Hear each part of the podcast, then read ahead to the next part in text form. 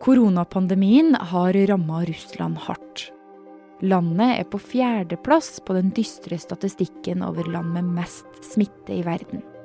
Hver dag registrerer de rundt 25 000 nye smitta og over 400 døde. Trolig er det store mørketall. Det er Russlands fattigste som rammes hardest. Mange av dem tror ikke på viruset og stoler ikke på myndighetene sine. Med god grunn. Jeg er redd for at denne mistilliten kommer til å ødelegge dette landet. Du hører på Forklart fra Aftenposten, og jeg er Marit Eriksdatter Gjelland. I dag er det onsdag 16. desember.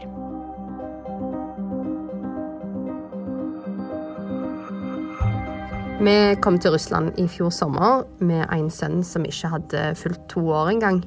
Eh, vi kjente ingen og hadde ingen anelse om hvordan vårt liv i Russland skulle se ut. Og så gikk det ikke mange dagene før Jana Siba kom inn i livet vårt med et smell.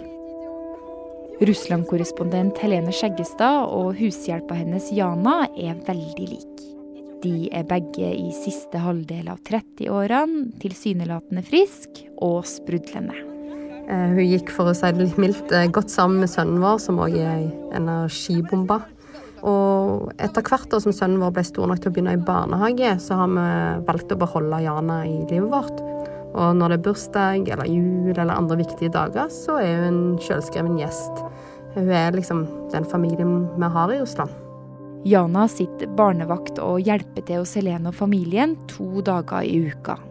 Jana har eh, flere arbeidsgivere i tillegg til oss. Eh, vi betaler henne godt etter russisk standard, men hun sender så godt som alt hun har hjem til dattera og bestemora hjemme i Ukraina. Og hun unner seg aldri noe ekstra. Torsdag 12. november så satt Jana som vanlig barnevakt for Helene. Men da Jana dro den kvelden, så ble Helene litt bekymra. Eh, og jeg husker da jeg lukka døra bak henne og hun forsvant ut i Moskva-natten, så hørte jeg hvordan hosteanfallene gjalla i oppgangen. Eh, og fire-fem dager seinere så, så mista jeg all smak og lukt. Så langt er over 2,5 millioner russere koronasmitta. Men Jana ville vel holdt seg hjem om hun var ordentlig syk? Noen dager seinere blir Helene sin bekymring bekrefta i en melding. Der sto det at hun var blitt syk, men at hun regna med å være frisk igjen snart. Både Jana og Helene blir syk. Og da blir det også fort synlig hvor forskjellig de to egentlig er. Jana er gjestearbeider fra Ukraina og en av Russlands nærmere 20 millioner fattige. Dette tallet det har økt med en million under koronapandemien. Og ettersom koronasymptomene tar grep om kroppene til Jana og Helene, så blir også ulikheten mellom dem mer og mer tydelig. Vi ringte det mest anerkjente medisinske senteret og bestilte et hjemmebesøk. Eh, de kom samme kveld, de tok hurtigtester av covid-19 som var positive. De tok blodprøver, de ga oss råd og beroliga oss. Eh, det vi ikke visste på denne tida, var at Jana var blitt mye dårligere. I etterkant så har hun fortalt at hun oppsøkte apoteker på kveldstid med 39 i feber på jakt etter antibiotika som hun trodde ville gjøre henne frisk. En eh, koronatest til 200 kroner, det tok hun seg ikke råd til. Hun trodde ikke, eller hun ville ikke tillate seg å tro at hun hadde fått korona. En koronasykdom kan nemlig få veldig store konsekvenser for Jana. For det første så er man jo redd for at man kan bli skikkelig syk. Men eh, for det andre så ville det betydd at hun måtte holde seg unna arbeid i lang, lang tid. Og at hun kanskje hadde smitta noen av kundene sine, som potensielt ville straffe henne for det. Men Jana blir bare sykere og sykere. 22.11. Så, så sendte jeg en, en, melding til Jana og lurte på, på, hvordan det gikk med henne. Og da fikk jeg beskjed om at eh, jeg har dessverre blitt verre. Jeg får oksygen, jeg er redd og savna dere. Via en kollega får Helene vite at Jana har blitt så syk at hun må på sykehus. Sammen så overtaler de hushjelpa til å ta imot en ambulanse, samme hva det koster. Det viser seg at hun har fått dobbeltsidig lungebetennelse, høy feber, og koronatesten er positiv. Samtidig så sitter Helene hjem og er nærmest frisk. Kun dårlig smak og dårlig luktesans plager hun. Hvorfor blir de to ramma så forskjellig?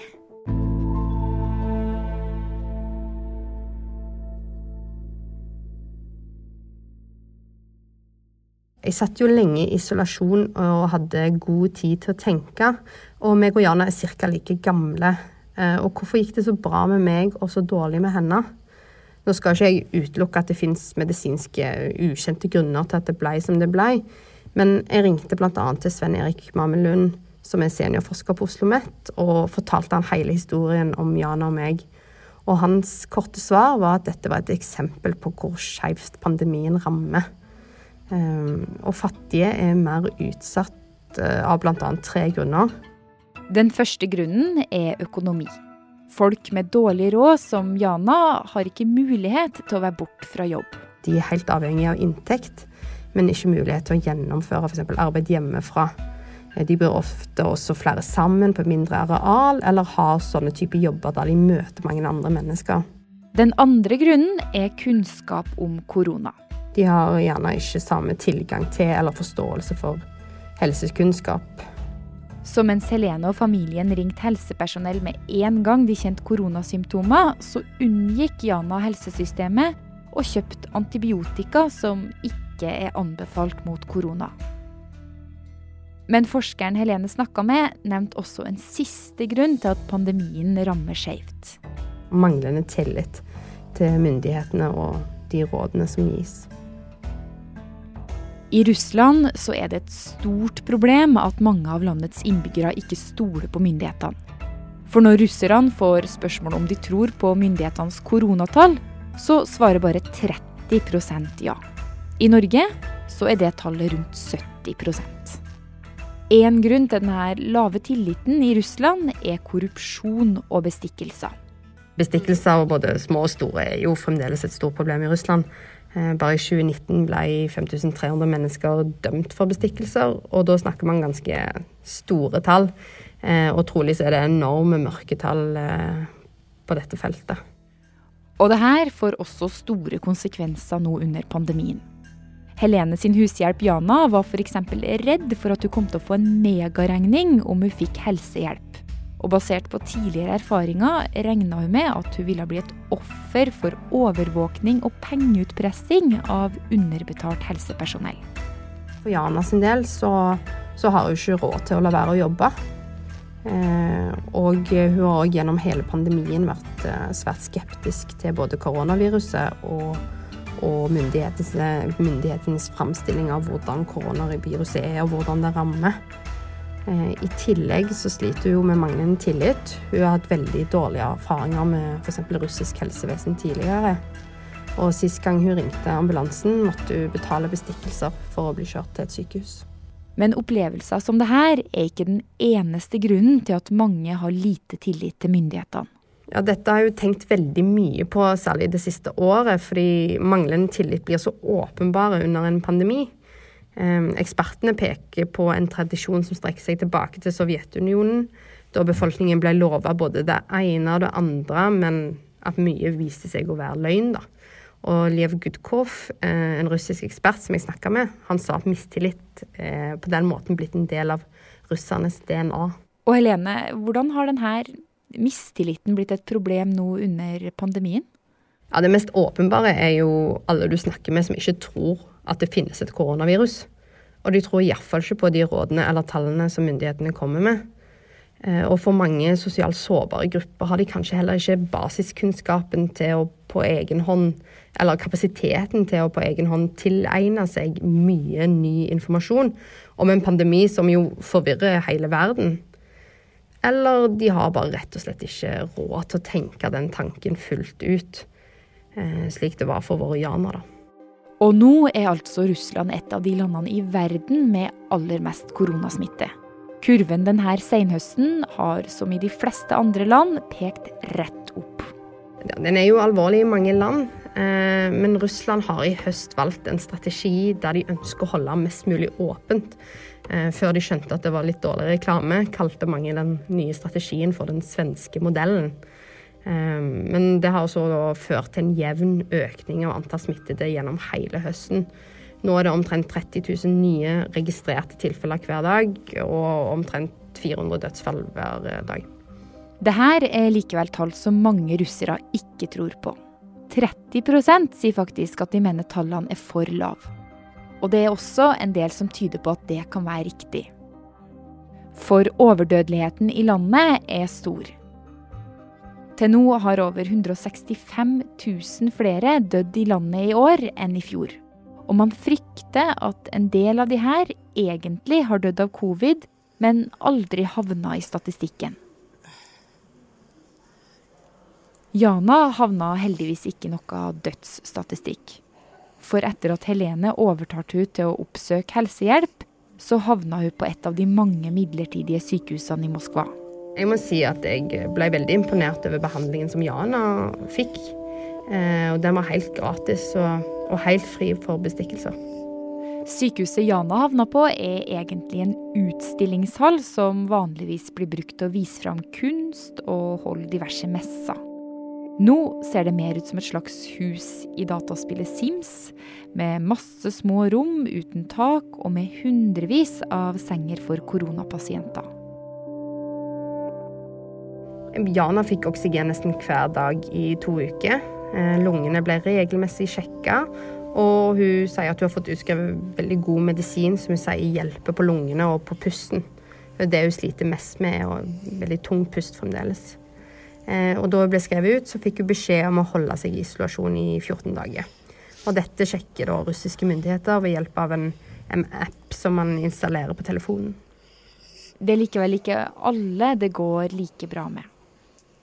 For det er store forskjeller mellom sykehusene rundt om i landet.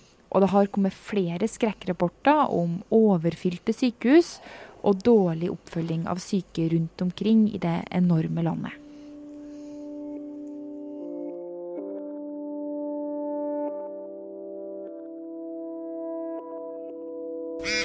2.12. så fikk jeg en uh, melding som jeg ble veldig glad for. Da sto det 'Mine kjære, jeg har skrevet ut, men nå venter isolasjon'. Jeg savner dere veldig og håper vi snart møtes igjen. Og da dere endelig møttes igjen, da Helene, hvordan var det? Ved første mulighet så, så kom vi på besøk. Vi bare møtte opp alle tre, meg, mannen min og, og den lille gutten vår, i i døråpningen, og så gjorde vi noe som ikke er lov i 2020. Vi ga henne en kjempestor god klem. Det var skikkelig, skikkelig fint. eh, og det å se det smilet og føle den energien, ja, det var ganske overveldende. Eh, hun er som sagt den familien vi her har borte, og, og det å se henne igjen var helt fantastisk. Samtidig så merker jeg jo at hun har vært syk. Det er ikke samme tempo og, og ikke samme pust heller.